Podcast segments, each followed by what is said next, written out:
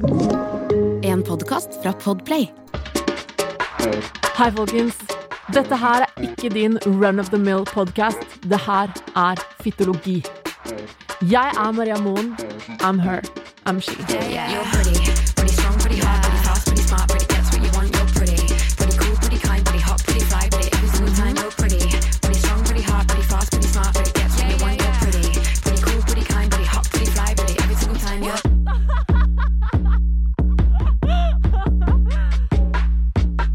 alle en psykisk helse, men hva skjer egentlig når du driver og undertrykker følelsene dine? Og kan man egentlig få angstanfall uten å nødvendigvis ha en angstlidelse? Og hva er greia med at folk bruker psykiske lidelser som skjellsord i det vide og det brede? Og når skal man egentlig søke hjelp? Hva er normalt, og hvordan føles det egentlig når man faktisk begynner å bli syk? I dag snakker jeg med Marie Østhassel. Syk deg på Instagram og TikTok. Hun er et råskinn, og nå skal vi få litt mer innblikk i hvordan psyken vår fungerer, og når man burde oppsøke hjelp. Og jeg lurer litt på, kan man egentlig kontrollere hva man føler?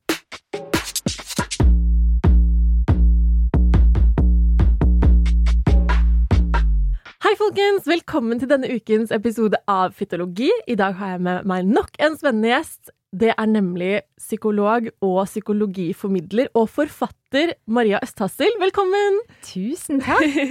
Det er så kult at du vil være her i dag, fordi det er det én ting jeg også brenner veldig, veldig for, Mm. så er det nemlig psykisk helse. Vi har jo alle en, og du har jo nettopp gitt ut en bok. Mm. Men før det, hvem er Maria? Maria, din navnesøster, kommer Ja. fra Sørlandet. Farsund, en liten by. Eh, veldig, veldig fint i Farsund, med få innbyggere. Eh, 9000-10 000 mennesker. Eh, har hatt eh, en strålende å få lov til å vokse opp der. Eh, og jeg eh, har en sønn på tre år. Å, så koselig. Ja, det er veldig stas, og jeg er veldig glad i å være med familie og venner i Farsund. Og så er jeg òg veldig glad i å være litt urban av og til, så det er veldig deilig å få lov til å komme til Oslo og gjøre litt sånne ting som dette her, og møte deg, for eksempel. Å, takk så Mhm. hyggelig. I likeså. Ja, takk. og jeg syns det er så kult at du er her, for du har jo vært overalt i media og sånn i det siste. Og det er så rått, for du har jo også nettopp gitt ut boken Syk deg, og det er også det du heter på Instagram. Hva var motivasjonen din for å starte med hele Ja. alt det her? Du, jeg er jo en av de som på en måte fikk til noe eh, nytt og rart i livet mitt eh, på bakgrunn av pandemien. Mm. så sånn sett så var jo jeg litt eh, hell, altså hell i uhell, på en måte. Fordi jeg var nyansatt som kommunepsykolog i Farsund når eh, pandemien kom. Og da hadde jeg jo liksom ansvaret for kommunens psykiske helse. Og det var da jeg starta den eh, sosiale medieplattformen Syk deg. Um, og det var jo først og fremst for å nå ut til barn og unge som jeg ikke kunne treffe uh, rent fysisk, med noen tips og råd til hvordan de kunne ivareta den psykiske helsa i den perioden.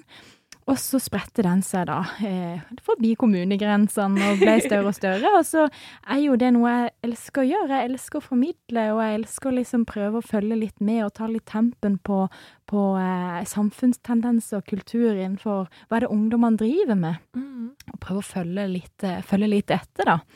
Eh, så da bevega jeg meg ut på både Instagram, Facebook og TikTok, eh, og eh, etter hvert så, så ble det liksom større og større, og så ble jeg kontakta av et forlag som hadde lyst til å skrive, skrive bok, eh, og gjøre dette her om i et bokformat. Så da har Frisk Forlag, de, de har jeg skrevet bok med nå, og prøvd å lage en bok som kan ligne litt på det eh, som jeg gjør på sosiale medier. Litt sånn kort og enkelt og lettfattelig eh, bok. Mm. Ja, for jeg har jo jeg har bladd gjennom den, og det er jo utrolig fint, oversiktlig, veldig lettlest og veldig tilgjengelig da, for alle sammen, og det liker jeg altså veldig godt.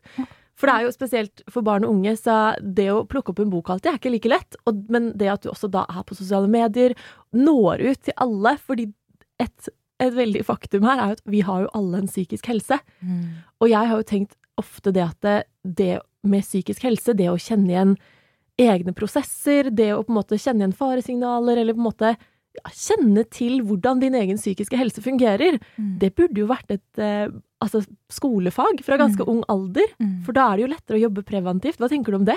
Ja, det er jo interessant akkurat det du sier der, for vi lærte jo ganske mye om biologien vår på barne- og ungdomsskolen, ikke sant, hvordan kroppen fungerer, at vi har et hjerte og vi har lunge, og dette trenger vi, vi trenger å spise sunn mat for at kroppen skal ha det bra, eh, men jeg husker ikke at vi lærte så veldig mye om hvordan vi skulle ta vare på psyken vår.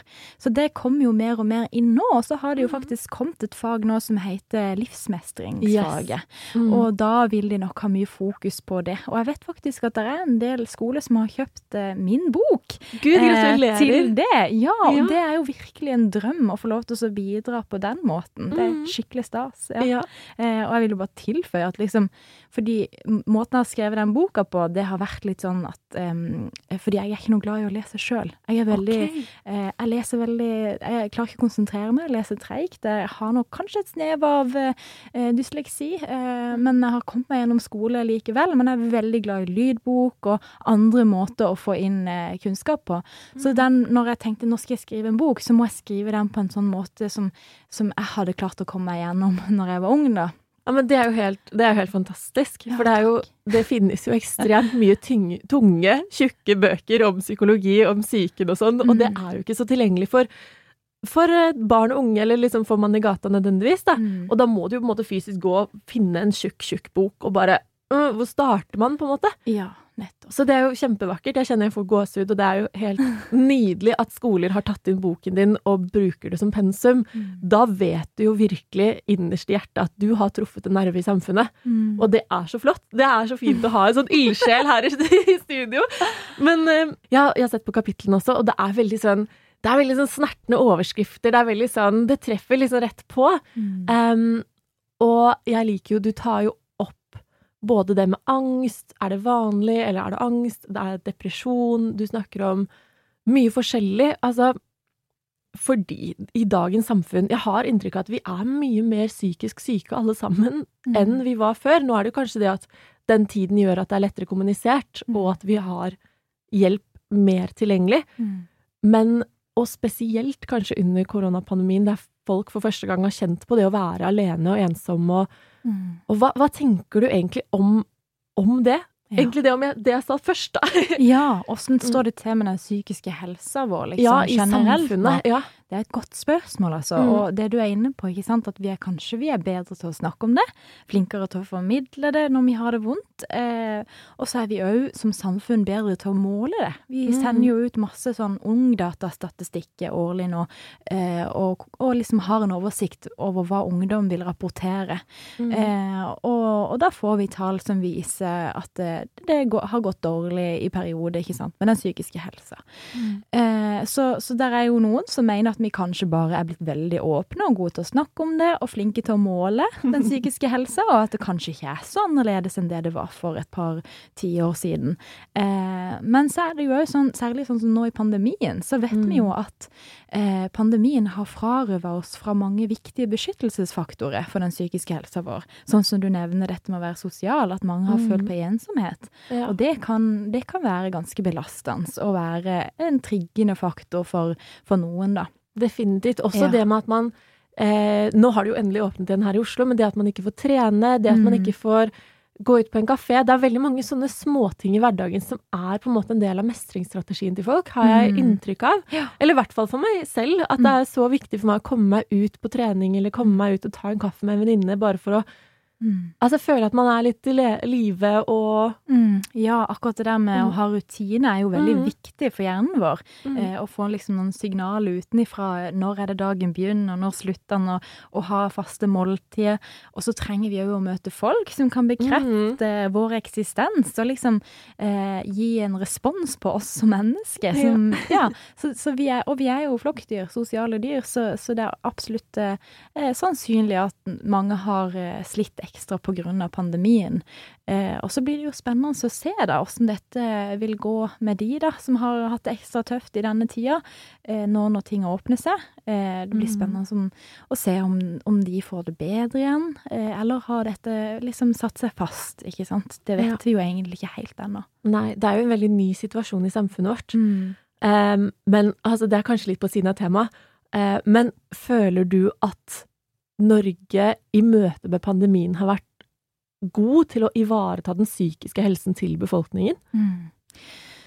Ehm, ja, både og. Vi har jo hatt fokus på det, og jeg husker jo jeg var med i et møte med annet statsministeren før jul, hvor, eh, hvor dette var tema, særlig barn og unges psykiske helse, som viser at de hadde lyst til å ha fokus på det. Eh, og da bevilga de mye penger til, til psykisk helse, eh, men det er litt sånn uavklart hva det egentlig ble brukt til, og eh, jeg tror ikke at strategien For meg så har ikke strategien for hvordan man skal ta vare på den psykiske helsa til folket, den har ikke vært så tydelig. Um, og så vet jeg òg at uh, mange av disse hjelpetelefonene, f.eks. Mental Helses hjelpetelefon og Snakk om psyken, de har hatt masse køer og folk som uh, ikke har eh, kommet gjennom uh, av det har vært så uh, høy pågang. Um, og der, der tenker jeg at kanskje staten kunne tatt noen grep, på en måte, og Mm. vært sikker på at alle har noen, når de i hvert fall når de strekker ut en hånd, så er det så viktig å bli møtt på det. Mhm. Mm. Ja, for det er jo ikke like lett å be om hjelp noen ganger, fordi det er jo sånn at det, noen ganger så kommer jo, eksempel hvis det er snakk om psykisk sykdom eller en depresjon eller sånne ting, så kommer jo det veldig snikende opp Mm. på en, kan gjøre. Mm. Og så har jeg inntrykk av at man kanskje kan bli veldig vant til den tilstanden og tenke nei, nå er jeg sånn. Og så glemmer man å søke hjelp, og så tar det veldig lang tid. Mm. For jeg tenker vi kan også snakke litt om spesielt det der med hva som er normalt, og hva som er når, det begynner å, når man begynner å ha liksom signaler på noen burde man kanskje søke hjelp. Mm. Fordi det er også én ting som er en litt sånn uting i samfunnet i dag, at man slenger rundt seg med på en måte egentlig psykologiske begreper da, når man Ja. beskriver hverdagssituasjoner. Mm. Og ja, først skal jeg spørre deg, hva, hva tenker du om det, når man er sånn 'Å, herregud, jeg har så sykt angst, jeg holdt på å miste Mm. bussen', liksom. Mm. Hva, hva tenker du om sånne ting? Ja, det er jo kanskje litt synd, da. At Mm. eh, det har blitt så normalisert å bruke det begrepet. Eh, fordi at det faktisk er knytta til en psykisk lidelse som, Mm. som er eh, veldig begrensende for et menneske som har diagnosen. Så er jo det eh, veldig eh, inngripende i den personen sitt liv. Mm. Det medfører en del funksjonsnedsettelse og gjør at det er vanskelig å, å leve likt som, som andre uten den Mm. diagnosen. Eh, så, så det å bruke det begrepet på den måten kan, kan kanskje være litt Det kan være litt synd, ja. Mm. Eh, vi, det vi egentlig opplever når vi bruker det begrepet, det er jo frykt. Og det er jo normalt å være redd, ikke sant? Nemlig. Å snakke om det, at eh, 'å, jeg ble så sykt redd', og Mm, stressa. Man- stressa. Stress er jo lov å si, sant? fordi Mm. at det er jo en fysiologisk respons. Kroppen reagerer med å sette i gang noen funksjoner som gjør at man blir svett og, og føler ubehag. Og stort sett så klarer vi å komme oss gjennom de opplevelsene. Mm. Men når det liksom eh, kronifisere seg og bli Ja.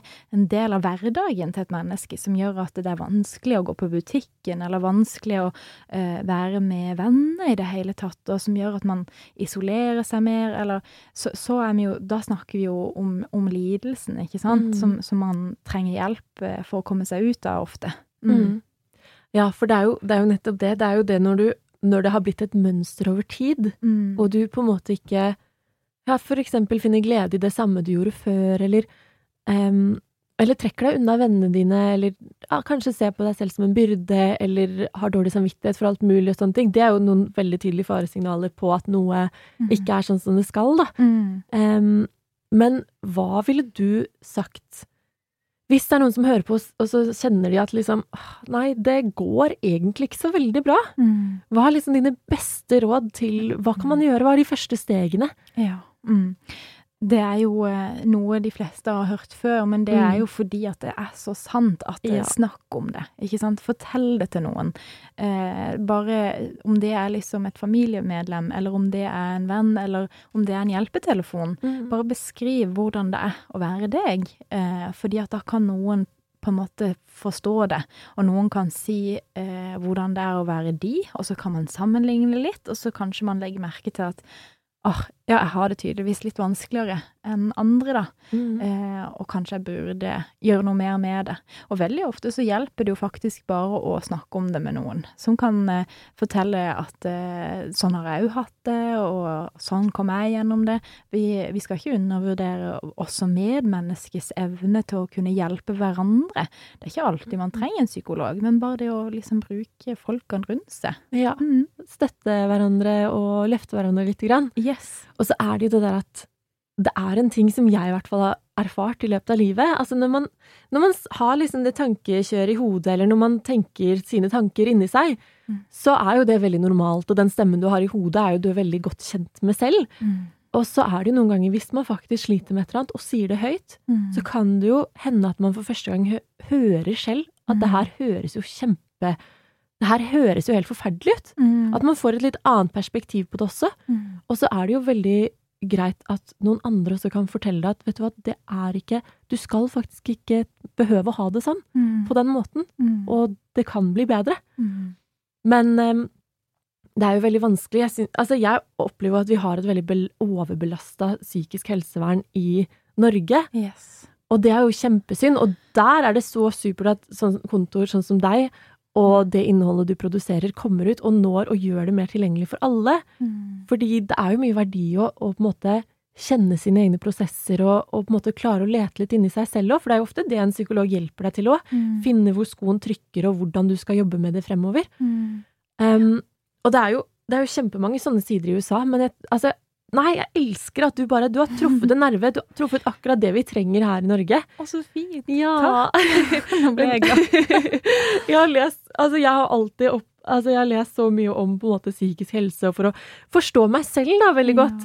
Eh, og, og nå, som 28-åring, så gjør jeg jo veldig det. Mm. Men det er jo ikke alt som er utforsket terreng heller. Mm. Og det å ha på en måte de der litt For det er også Det kan fortsatt være mye tabu i befolkningen om at nei, herregud, skal jeg gå til psykolog? Nei, det er jo Herregud, jeg er jo ikke syk, liksom. Mm. Uh, og det syns jeg er så tull, fordi en ting jeg pleier å si ofte, er jo det at uh, veldig mange går til psykolog på grunn av de menneskene i livet ditt som aldri har gått til psykolog. Ja. yes. Mm. Og det er jo, det er jo kjempeverdifullt å, å faktisk søke hjelp, og det betyr jo ikke at man er noe annerledes altså, annerledes eller rar Mm. eller sånne ting Mm. fordi man søker hjelp. Det betyr bare at du har det er egentlig sånn, Da viser du deg selv kjærlighet og, og viser at du vil få det bedre. Og fordi det å akseptere en veldig dårlig situasjon Altså, man må jo akseptere traumer og sånt som skjer i løpet av livet, Mm. um, for å på en måte kanskje komme seg videre og klare å leve med det på en bedre måte. Mm. Men man skal ikke akseptere å ha det vondt for alltid. Nei. Helt sant. Ja.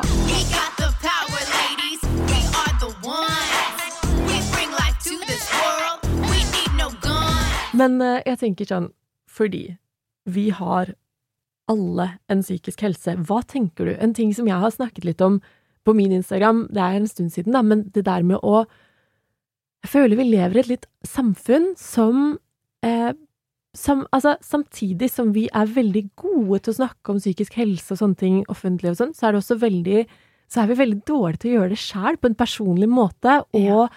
eh, det er liksom Det er jo Jeg opplever at det er en liten sånn ideal, ideal tilstand, at man skal Ja. være så kald og følelsesløs, man skal Mm. For det første skal du ikke bli forelska, du skal bli liksom Du skal Mm. Ja, du skal, du skal liksom være en litt sånn kald, kynisk drittsekk, og det er mye mer på en måte Altså kanskje spesielt hos gutta, men at det er mye mer på en måte ideelt, da. Mm. Å være liksom følelseskald. Mm. Men hva tenker du det gjør med samfunnet generelt? Mm. Eller er du enig? Ja, jeg tror at det du beskriver er nok kanskje sånn tendens til at det skal se ut som at man har så god kontroll på Mm. følelsene sine. Eh, Men det som skjer når man driver og overkontrollerer tanke og følelse, er jo at du egentlig undertrykker eller mister kontrollen, faktisk. Og så kan det bli symptomer ut av det. Mm. Eh, Så det er jo en litt sånn uheldig tendens at vi skal se ut som at vi har stålkontroll på følelsene våre. Fordi det er jo helt normalt å gråte, og det er Mm. normalt å bli sint av og til. Eh, og det å vise følelse, det er jo et språk. Det er en Mm. måte vi kommuniserer med hverandre, og det er viktig for at vi skal forstå hverandre. Fordi hvis vi alltid går rundt og bærer en maske, så kan ikke jeg vite åssen du egentlig har det på innsida. Så det å tørre å vise sårbarhet, det er egentlig det er en styrke um, Yes. som vi burde være flinkere til å liksom anerkjenne hos hverandre, når man tør det. Mm. Um, kjenner meg igjen i det sjøl, altså. Eh, Ja, også også. som, som, særlig, altså, som psykolog òg, sånn, så, så tenker man kanskje at man skal ha stålkontroll på følelsene og tankene sine. Men, men jeg er jo et menneske, jeg òg, og har Ja. masse følelser. Og særlig at jeg blir mor, ikke sant. Jeg har jo null kontroll av og til, og det er så lite som skal til som vipper meg av pinnen når jeg liksom blir bekymra for han, da. Ja. Eh, og da er, det, da er det deilig å liksom uttrykke det til omgivelsene, som kan på en måte bare støtte meg litt i å komme meg gjennom ting som kan være tøft, da. Ja. Mm. Og så er det jo også det at det å gråte er jo en sunn respons i kroppen også. At du, du frigjør, frigjør du ikke endorfiner eller et eller annet sånt. Du, du, du Det er i hvert fall må, eller, det er i hvert fall kroppens egen måte å liksom slappe av og Mm. Ja. Mm. Liksom regulere seg selv, da. Fordi de Mm. følelsene må jo få utløp. Mm. For hva er det som skjer når vi ikke lar våre helt ekte, helt naturlige følelser få utløp? Mm. Det er jo et eh, morsomt sitat fra Sigmund Freud. Han Ja. sa det eh, What is buried alive will come forth later in uglier ways. Eh, så hvis man går og liksom bare begraver ting, da, Mm. så kan det hende at det kommer fram på en litt stygg måte, ikke sant, på, Ja. i en annen situasjon. Altså at for eksempel man begynner å uh, Hvis jeg er sint på et familiemedlem, så, Mm. så begynner jeg kanskje å liksom litt sånn aggressivt rydde rundt det mennesket etterpå, eller støvsuge litt hardt rett under beina de Litt sånn passiv aggressivitet. eh, Istedenfor egentlig bare å si hva som plager meg Mm. tidligere den dagen. Ja. Så, så det, det kommer fram på et vis. Det sniker seg fram. Og så er Mm. man kanskje ikke så bevisst over at det er akkurat det som skjer. Nei. Men eh, da er det lurt å bruke ordene sine og, eh, og ansikt og følelse underveis. Eh, Mm. ja. Ja, fordi det her Jeg kommer jo fra et hjem det er, Altså, min mamma var jo helt fantastisk, men det var, hennes på en måte største styrke og største svakhet var kanskje at hun skulle være så sterk hele tiden. Jeg tror jeg så henne gråte to ganger i løpet av mitt liv. Og, og det har jo jeg båret med meg i mitt liv også, at jeg skal være så sterk hele tiden, jeg skal tåle alt, jeg skal Nei, det er ingenting som knekker meg. Og, og det er jo veldig vanskelig, spesielt når man kommer i møte med, med livet, fordi ting skjer. Mammaen min døde jo da hun var Nei, da jeg var 20. Mm. Eh, og da med den Eller hva kan man si? Kanskje mangel på redskapene jeg hadde hatt da. Så var jeg sånn Nei! Den her skal ikke stoppe meg! Mamma hadde ikke hatt lyst til at jeg skulle det. Jeg, nei, nå må jeg være sterk og sterk og sterk. Og sterk. Mm. Og det førte jo til at jeg fikk en altså, kompleks sorgreaksjon som varte i Altså, den, den dype sorgen varte i flere år, da. Istedenfor at jeg Fordi jeg, jeg var også på det tidspunktet sånn Nei, jeg skal ikke gå og snakke til noen psykolog! Nei, jeg klarer det selv! Nei, det går helt fint! Eh, veldig, veldig bastant. Og skulle liksom Og jeg føler at det også er veldig spesielt i liksom generasjon prestasjon, som vi er i nå. Um, eller som de aller fleste kan kjenne seg igjen i. Mm. Um, at man på en måte tror man skal stå alene om ting, man tror at man skal takle alt, og man tror det er styrke i det å ikke egentlig prosessere følelsene sine. Mm. Ja.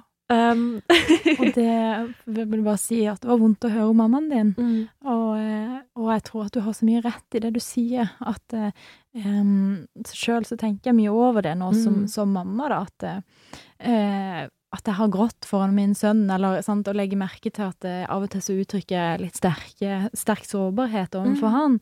Eh, og så, men bare å snakke med han om det etterpå, og Ja. forklare hvorfor det skjer.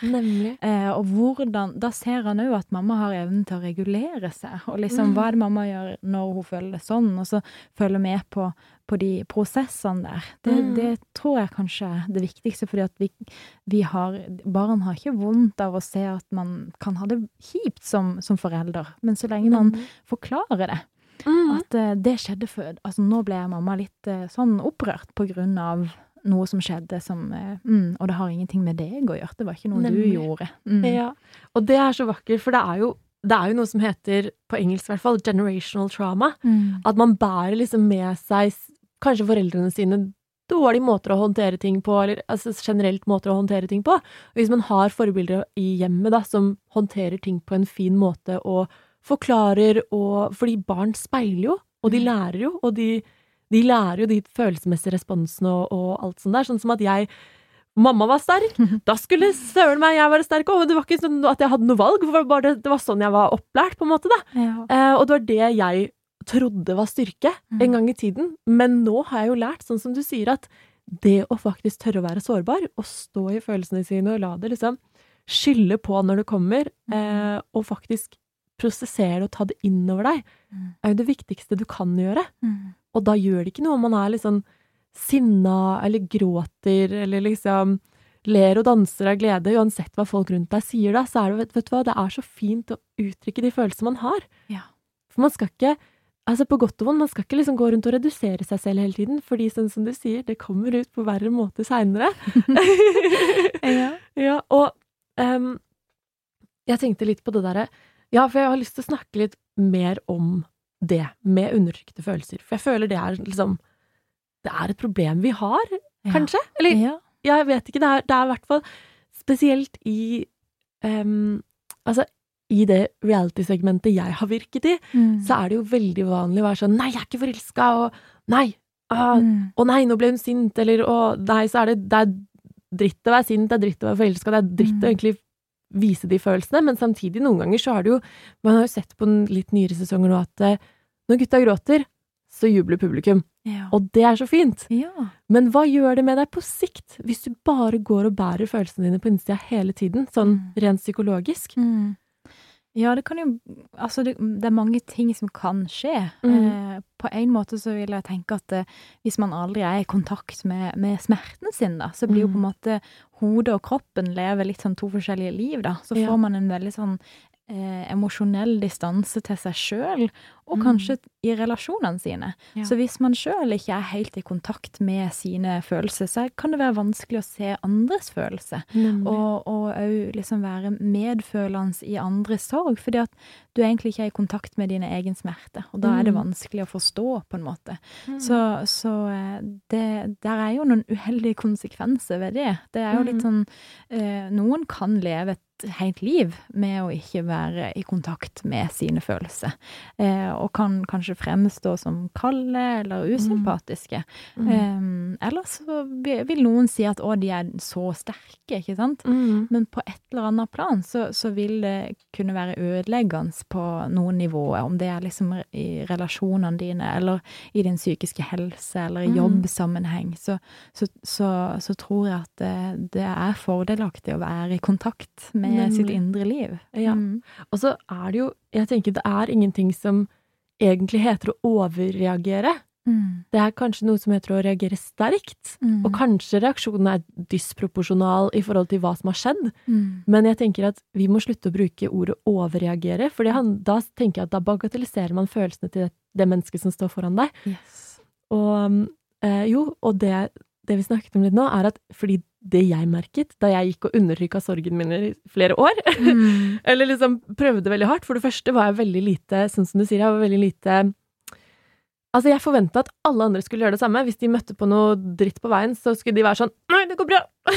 Ja. På samme måte som meg. Og da, da hadde jeg litt problemer med å føle liksom sympati når jeg gikk rundt og bar på det og hadde det helt fint. Så, så var det sånn at det, Og hvorfor skal de bry seg om det? Det er jo det er bare å være sterk, på en måte. Mm. Og så når jeg gikk sånn lenge nok, så merket jeg for første gang i mitt liv at jeg begynte å få liksom At jeg fikk angst. Mm. Jeg begynte, altså sånn, Den angsten begynte å bre seg at Altså, jeg turte ikke å gå på butikken. Jeg ble liksom Altså, sånn som du sier, det kom fram i styggere Mm. versjoner, da. Jeg fikk depresjon og sånne ting. For, og jeg har en Jeg personlig jeg er jo ikke noe psykolog eller noe sånt, men jeg har en teori om at det kommer av at jeg aldri klarte på den, det tidspunktet, eller aldri lot meg selv prosessere de følelsene, Mm. eh, og at jeg på en måte skulle Altså, jeg, jeg prosesserte ved å trykke, trykke, trykke, trykke hele tiden, og det, Mm. man blir jo utslitt av det. Yes. Og så blir jo, da blir jo kanskje psyken litt sånn tynnslitt når man bruker så mye energi på bare å holde hodet over vannet og late som at alt er bra. Mm. Um, men det er jo Alt det der er jo i orden nå. Men det er bare sånn Det er viktig for meg å si det litt, fordi det er, det er Og spesielt den siste tiden så har jeg vært borti så mange som sier sånn der at eh, Nei, du skal kontrollere følelsene dine, og nei, det er ikke kult å være følsom, og jeg er kjempefølelsesmenneske, og det Mm. har jeg også lært meg å være. Mm. Fordi jeg var skikkelig beinhard og liksom sånn Så liksom tilsynelatende sterk Eh, og det kan jeg jo fortsatt være på en litt sånn dårlig måte. At jeg går og står i ting kanskje litt lenger enn jeg bør. Men, men det der å faktisk vise følelsene dine, tørre å stå i det, være sårbar, det er jo den største styrken vi har, og det krever mye mot. Nettopp, for vi kan jo egentlig ikke kontrollere Nei. tankene og følelsene våre, men det vi kan kontrollere, det er jo hva vi gjør med det, og Mm. hvordan vi håndterer det, kan vi jobbe med. Sant? Vi kan jobbe med å ha en, en, få en ny holdning til når en følelse dukker opp, Mm. og akseptere at eh, det, der, er det, der kom smerten igjen. Sant? For selv om, som du sier, at du har nå på en måte jobba deg gjennom en sorg, da, Mm. så, så er det noe som du skal leve med.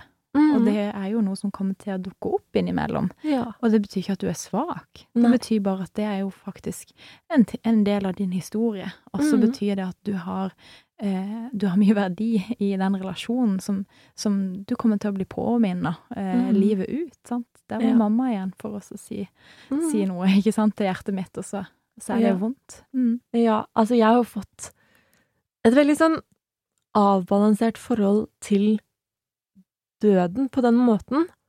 Eh, eller i hvert fall fordi at jeg vet så godt alt hun har lært meg gjennom 20 år. Mm. Altså, jeg merker at jeg snakker jo noen ganger på samme måte som hun gjør, jeg bruker samme uttrykk, eller har samme fakter, og liksom folk som kjen, kjente oss, eller kjente mamma og kjenner meg også, er jo sånn 'herregud, det er jo som å se mammaen din', og, og sånne ting. Da, da vet jeg at hun lever videre i meg. Hun har jo gitt, gjort meg til mye Altså, store deler av den jeg er, er jo på grunn av mamma. Og, og bare det er en, det gir en sånn trøst og, og styrke i det at hun er med meg. Selv om hun ikke er her, så er hun med meg, og, og det er en veldig sånn Men det krever også en, en stund å liksom klare å på en måte omstille seg fra det som blir revet vekk, Mm. til å på en måte akseptere at det er her på en måte fortsatt. Mm. Hennes ettermæle og hennes um, ja, arv, da, er her, og hennes egenskaper også lever i beste velgående i meg og søsteren min, og Ja. vi har jo lært alt vi har lært av henne, på en måte. Ja. Nesten. Jeg fikk frysninger. Det var så fint, alt det du sa nå. Åh, Ja, takk. veldig. Ja, men det er jo litt sånn fordi jeg har opplevd mye styrke i å Altså, jeg er sånn med en gang det skjer noe i livet mitt, så setter jeg meg foran Google, googler og på en måte prøver å finne ut av hva slags prosesser som foregår i hodet mitt. Mm. Eh, og fordi det er jo litt sånn hvis du, hvis du skal til legen og har feber, men du ikke vet hva feber er, hvordan skal du kommunisere at du har feber da? Ja. Mm. Så det å tilegne seg kunnskap om liksom de psykiske prosessene, hva som skjer når du har opplevd et traume, for eksempel, eller hvordan angst oppleves når du begynner å bli liksom Når du begynner å bli en diagnose, Mm. fremfor at det er For man kan jo Folk kan jo få angstanfall uten å ha angst, ikke sant? Ja. Og, og man kan jo um, Og Men jeg vet ikke om det samme gjelder med depresjon, gjør det det? At man kan være deprimert uten å være Jo, altså, man kan ha en depressiv episode. Ja. Altså, det kan komme og gå, akkurat som en Mhm. forkjølelse. Sant? Men noen ganger så blir vi jo mer syke enn andre, og noen mm. ganger trenger vi jo en penicillinkur, på en måte. Ja. Sant? Og det mm. samme er det med den psykiske helsa vår, at vi, vi kan eh, ha en liten eh, depressiv episode, eller vi kan ha mye angst knytta til en situasjon som, eh, som, har, eh, som du har klart å løse sjøl, da, uten Mhm. at du har trengt å gå gjennom noe behandling. Mm. Eh, men veldig ofte så hjelper det jo veldig da å bruke menneskene rundt seg. Ja. Og det kommer jo fra at vi allerede fra når vi kommer til denne verden, Mm. så er vi jo avhengig av å ha noen mennesker rundt oss som tar vare på oss. Hvis Mm. ikke så dør vi jo. Vi trenger Ja. jo at noen, noen hjelper oss gjennom livet fram til vi er Mm. ja, iallfall 18. Det er ikke sant? Vi trenger at det er et eller annet menneske der som veileder oss. Mm. Em, og, eh, og når vi kommer inn i pubertet, sant, da begynner vi å bli interessert i, i andre. Da blir Ja. vi gira på å liksom få oss en partner. Det er jo veldig vanlig. Mm. Um, og da er, handler det om at vi igjen oppsøker og repeterer litt der, den følelsen vi har hatt av våre tilknytningspersoner. Men nå Mm. trenger vi jo bare å gjøre det litt sånn utenfor familiesystemet. sant? Og, og det, det vitner jo veldig om at vi mennesker trenger mennesker. Vi Mm. trenger omsorg. Og, eh, og da, da må vi ikke være redd for å vise sårbarhet. Vi, vi trenger jo å bli vi er gode til å bære hverandre ofte og vise at eh, 'jeg er her for deg', ikke sant? Mm. Men det er mye vanskeligere å si 'kan du bære meg litt'? Det er jeg helt enig i. Det er veldig vanskelig å, å be om hjelp, og, å tørre å være den som det sliter jeg fortsatt med den dag i dag. Å være den som Nei, fader, altså, nå, er, nå har jeg det dritt en periode. Mm. Eh, det er veldig, veldig veldig vanskelig for meg å si, selv om jeg er 28 år og har liksom opplevd det før og vet at livet går litt sånn opp og ned, da. Det der å oppleve depressive episoder eller oppleve at man har angstanfall og sånne ting, det betyr jo ikke nødvendigvis at du er syk. Mm. Og det betyr jo ikke nødvendigvis at det er noe galt med deg. Nei. Fordi det er jo på en måte en, en slags Hva kan man si da? En, det er jo en forsterket følelsesreaksjon. Mm. Og følelsene dine er jo Det er på en måte kroppens signalsystem på hvordan den trenger å ha det. Mm. Um, og Det er jo biologi, det òg, faktisk. Ja, er det det? Ja, for altså, hjernen vår er jo en biologisk klump som Mhm. produserer eh, nesten sånn så signaler, som du får si Ja. Eh, og noen signaler de gir oss glede og velvære, mm, og, eh, og noen signaler Og når vi har lite av de signalene, så føler vi på ubehag. mm, Eh, og og det, er, det er nettopp det. Noen ganger så blir det ubalanse. Og, Ja. og det handler jo ofte om ting som skjer i omgivelsene våre. Eh, så ja. mm, men føler du Altså, føler du noen ganger at det er ikke alltid følelsene dine snakker sant? Mm. Ja. Hva tenker du om det? Det, det er helt, helt riktig. Sånn. Og du skal liksom ikke alltid det ikke, Du skal ikke tro på alle tankene og følelsene dine. sant? -hmm. At når en tanke dukker opp, så betyr det ikke at den har rett. Eh, men det er viktig å ha et bevisst forhold til den og lytte mm. til den. Og så kan du stille deg sjøl spørsmålet hvorfor dukka den følelsen opp? Og hvorfor dukka den tanken opp? Og For hvor eksempel- kom det fra, liksom? Ja, Mm. ikke sant? Eh, Fordi at, eh, bare fordi at man for eksempel merker at eh, hvis du er i et forhold, og så merker du at du syns at et annet menneske var attraktivt, og Mm. opplever en følelse av begjær, så betyr ikke det at du skal dumpe typen din, ikke sant? Og, og hoppe på det toget, sant? Eh, Fordi at vi mennesker er jo bare utstyrt med de følelsene at vi reagerer. Vi Mm. responderer på sanseinntrykk. Eh, og da kan man bare liksom legge merke til at å, det var begjæret som dukka opp i meg. Mm. Eh, det betyr ikke at jeg skal hoppe på den følelsen. Nei, ikke sant? Fordi det er jo det er jo ikke sant? Det er bare signaler. Det er bare sånn veinett med gatelys og blinkende lys og, og sånn, og så er det jo på en måte opp til oss Mm. å tolke hva som skjer, hva, hvor det kommer fra, som du sier, og og også finne ut hvordan vi skal håndtere det, da. Mm. Og hvor stor betydning det faktisk har. Og hvis man, altså sånn spesielt når man er i puberteten og sånne ting, og får ny kropp, og, eller liksom alt forandrer seg, ting er uvant, så er det jo veldig mange som på en måte sliter litt, og det er mye hormoner, du får jo litt sånn Det er jo liksom full, full, full sirkus i hodet, på en måte, for veldig mange, og, og da er det jo veldig mange som kanskje tenker negative tanker om seg selv og sånne ting, for det er uvant, og det er jo bare liksom signaler som kommer til kroppen, men det at man tenker det, Mm. betyr jo ikke nødvendigvis at det er sant. Nei. Og det kan jo komme altså, det, her, så- det er et veldig banalt eksempel, men sånn noen dager så våkner jeg meg Jeg bare våkner opp, og så bare føler jeg Herregud, i dag var jeg stygg. Ja. Det er jo ikke sant! Det er bare sånn tanke som kommer opp, og bare sånn, man føler seg bare liksom litt Mm. dritt. Ja. Men det betyr jo ikke at det er sant. Nei. Mm. Og det Dagsform. Det er Ja. liksom, ja, psyken vår har en dagsform, Mm. og, og det er interessant, fordi at det kan forandre seg før og etter du har spist frokost. Sant? Ja, eller kan ha noe- kaffen, eller- Ja, kan ha noe med energinivået ditt, og så mm. bare se deg i speilet før og etterpå, så vil du kanskje like den personen etterpå veldig mye bedre. Så Ja. det, så det, men det, og det betyr jo ikke at eh, du var stygg, selv om den tanken dukka opp, liksom. Eh, så, så det er veldig viktig å, å, som du sier, da, stille Mm. spørsmål ved den tanken at det kan handle om noe annet akkurat nå. Det kan handle om at kanskje jeg bare har en vond følelse. At jeg er trøtt, Ja. eller jeg har det kjipt på grunn av noe. Og så, og så, eh, så fargelegger jeg hele min opplevelse av hvem jeg er, mm. basert på den vonde følelsen. Ja. Mm. Jeg tenker ofte eh, at vi har alle liksom ulike brilleglass vi ser livet gjennom, som Mm. er farga av våre opplevelser, erfaringer og mennesker vi har møtt, og, og hendelser, om det er eh, Altså både de gode og de dårlige, da. Og at vi alle leser hverandre og oss selv Mm. gjennom disse brilleglassene. Altså, sånn som du sier med at det kan være at det er eh, før frokost, eller det er liksom fordi man har sovet litt lite. Mm. Og det er veldig sånn En ting jeg har lært, er jo at det første som må på plass, da, er liksom søvn- og matrutiner. Mm. Mm. Det er jo ikke like lett, fordi hvis man Altså, kanskje hvis man har vært opplevd noe traumatisk, eller om det er et brudd, eller om det er noe som på en måte sterkt påvirker følelseslivet ditt, så er jo det også kanskje det første det går utover. Ja. Søvn og appetitt. Ja. På enten, enten den ene eller andre siden. Enten Mm. sover man for mye, eller, eller så eh, enten sover man for mye eller lite, eller spiser for mye eller for lite, og hva tenker du Er det liksom Er det en veldig normal respons, eller er det noe som er liksom varselstegn på at man burde be om hjelp, eller hva, hvordan tenker du der? Mm. Når er det man liksom Ja. Akkurat det der med søvn og mat, det er helt, helt essensielt Ja. eh, for, for psyken vår. Ja. Mm. Å ha rutiner på mat, og eh, energinivået vårt påvirker veldig hvordan vi tenker, og følelsene våre. mm, Eh, søvn er, er en av de viktigste tingene. Mm. Så, Ja. så eh, hvis du merker at du strever med å få sov, søvn, eh, og går flere netter uten søvn, så, så bør du snakke med noen, mm, eh, for det er veldig viktig. Eh, det er jo ting man kan gjøre da, for å prøve å liksom legge til rette for søvn, og det er jo Mm. eksempel å passe på at man har fått ha måltider med gode rutiner, og ikke liksom eh, gå en hel dag uten å spise, og så spise et gedigent måltid rett før man skal legge seg, for da Mm. går kanskje energinivået veldig opp. Også. Så det er jo en del sånne ting som man kan google, da. mm. Eh, hvordan ha god søvnhygiene. Det, Ja. det er veldig viktig for psyken vår, ja. Mm. Veldig.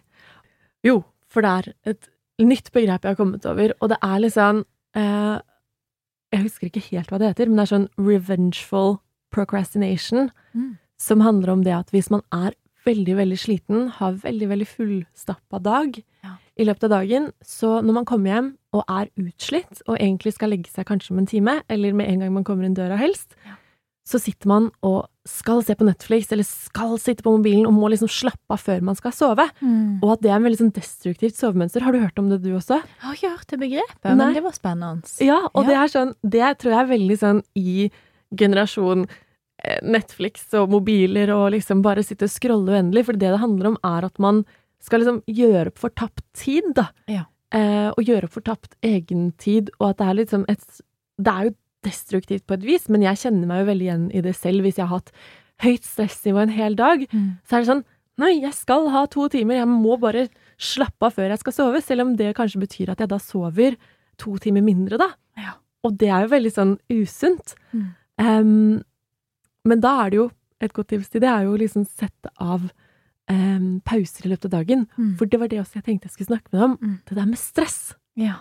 Vi lever i en veldig, veldig, veldig stressende hverdag. Mm. Og, og det med liksom langtidsvirkninger av stress på både psyken vår og kroppen er jo ganske stygge. Mm. Men det er jo veldig mange, og spesielt når vi skal prestere, vi skal prestere i vennegjengen, vi skal prestere på skolen, vi skal prestere på jobben, vi skal prestere i forholdet, eller, eller hjemme med familien, eller hva enn. Vi skal liksom prestere og være perfekt på alle arenaer, Mm. og det påfører oss veldig, veldig mye stress. Mm. Hva er liksom, for det første, hvordan, hvordan går det her faktisk utover psyken vår, og, Mm. og hva kan man liksom ja, jeg, eller ja, jeg har jo jeg har noen tanker selv, men jeg vil høre med deg også. Hvordan går det utover psyken vår når vi går og stresser og ikke slapper av, og liksom Mm. holder på sånn lenge? Ja, det, det går jo dårlig. Ja. Det, er jo ikke, det er jo ikke bra å, å føle at man eh, konstant er i, på jobb, da, mentalt, mm. ikke sant? At man hele tida presterer og uh, fyller dagen sin med ting som gjør at du aldri får slappe av. Fordi at Mhm. hjernen og kroppen trenger jo å restituere. Mm. Uh, og da vil man etter hvert gå på tomgang, da. Uh, så, så det er et destruktivt livsmønster Mm. hvis man aldri henter energi. Ehm, så det er, som du sier, viktig å sette inn pause, da, bevisst, og vite Mm. at uh, nå er det en time hvor jeg faktisk ikke skal gjøre noe som helst. Mm. Og det er faktisk å gjøre noe veldig viktig, og ikke gjøre noe. Nemlig, fordi jeg også pleier å si det at å hvile er også en produktiv aktivitet. Yes. Fordi det er Da investerer du tid i deg selv, sånn at du har inn energi til å gjøre noe gøy eller viktig eller lekser eller hva enn det skal være, etterpå. Mm. Um, og det er jo Det tok meg veldig lang tid å innse. Jeg har vært sånn der Duracell-kanin som har løpt og løpt og løpt. Jeg kan, jeg kan finne meg i sånne perioder fortsatt at jeg bare Nei, det går bra, jeg bare kjører på. Og da man får så høyt eh, stressnivå, og over tid så er jo det veldig tappende for kroppen, og Ja. man, blir man ikke mer utsatt for å bli på en måte Å få på en måte Ikke nødvendigvis få en psykisk lidelse, men få en på en måte dårlig psykisk helse Jo. over tid? Ja, hvis du merker at eh, på en måte det livet du lever gjør at du eh, får dårligere kontakt med vennene dine, eksempel. Mm. At du eh, tar mindre vare på relasjonene dine, at du kanskje krangler lettere, at det ligger lettere for deg. Du er litt mer sånn i beredskapsmodus.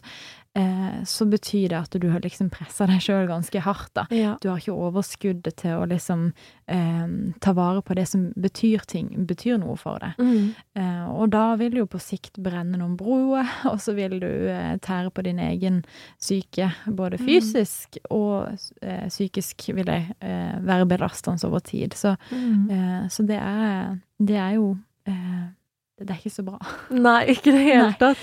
Men man må liksom passe på det at det, det å få den hvilen, det å ha den tiden til deg selv Jeg kom over et annet begrep også som heter eh, aloneliness. Og det er behovet for å faktisk være alene. Så det er motsatsen til ensomhet. Mm. Men det er når du bare har vært med folk så mye at du bare virkelig, virkelig trenger å være, være for deg selv. Mm. Og det er, en, det er en følelse man kan oppleve også. Mm. Um, for det er viktig for oss å ta og lade batteriene våre på egen hånd. Og da tenkte jeg vi kunne snakke om Ja, hvis man er syk, så går man til legen. Mm. Og det gjelder jo også psyken vår. Mm. Og vi er jo ikke, som du sier, vi har lært så mye om biologien vår og hjernen og reproduktive organer og sånne ting, Mm. men veldig lite om psyken. Mm. Men når man også blir på en måte Jeg kaller det syk i hjernen, Mm. så er det også viktig å oppsøke hjelp. Mm. Og fordi det er jo sånn, hvis du er diabetiker, så trenger du insulin. Og hvis du på en måte har begynt å bevege deg inn i en depressiv periode, eller, eller kjenner på en måte symptomer i kroppen eller, eller sinnet ditt, da, Mm. og ser i livet ditt at det føles ikke sånn som det føltes for tre måneder siden, på en måte, at det har gått liksom Det har endra seg over tid, eh, og du ikke føler deg sånn som du pleier. Og fått og sliter med søvn eller mat eller liksom alle sånne ting, da må man søke hjelp, og det er ingen skam i det. Mm. Veldig viktig. Ja.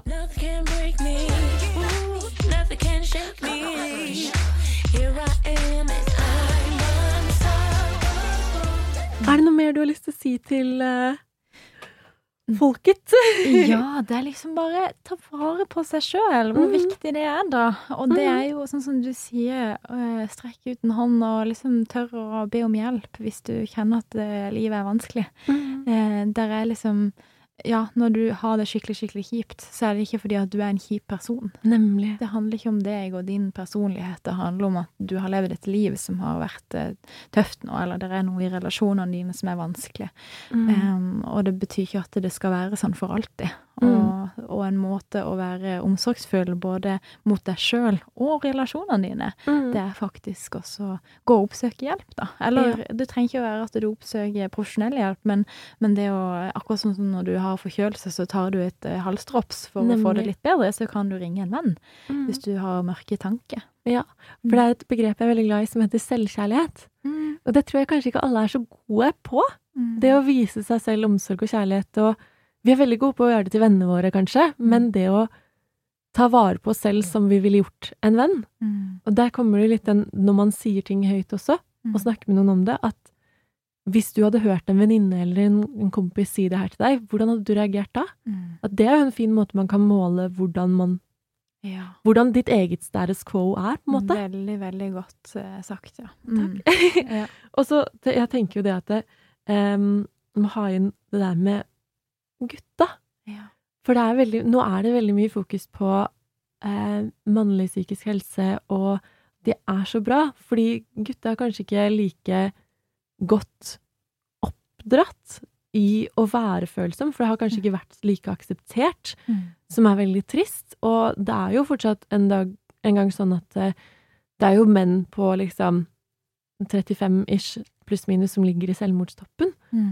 Og fordi de ikke lærer Eller ja, hva, hva tenker du, liksom?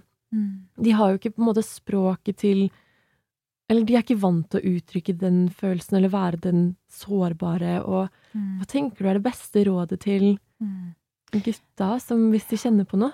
Ja, tenk, det er jo mange forskjellige grunner til at det kan være sånn. Ja. Eh, vi mennesker, altså vi kvinner av natur, har jo vært mer sosiale i, i vår Mm. historie. Så har jo vi vært eh, hjemme og passa mann og Nei, passa barn og Mm. liksom tatt vare på hus og vært sammen med andre eh, i større grad, mens menn har vært eh, mer ute og jakta og liksom Mm.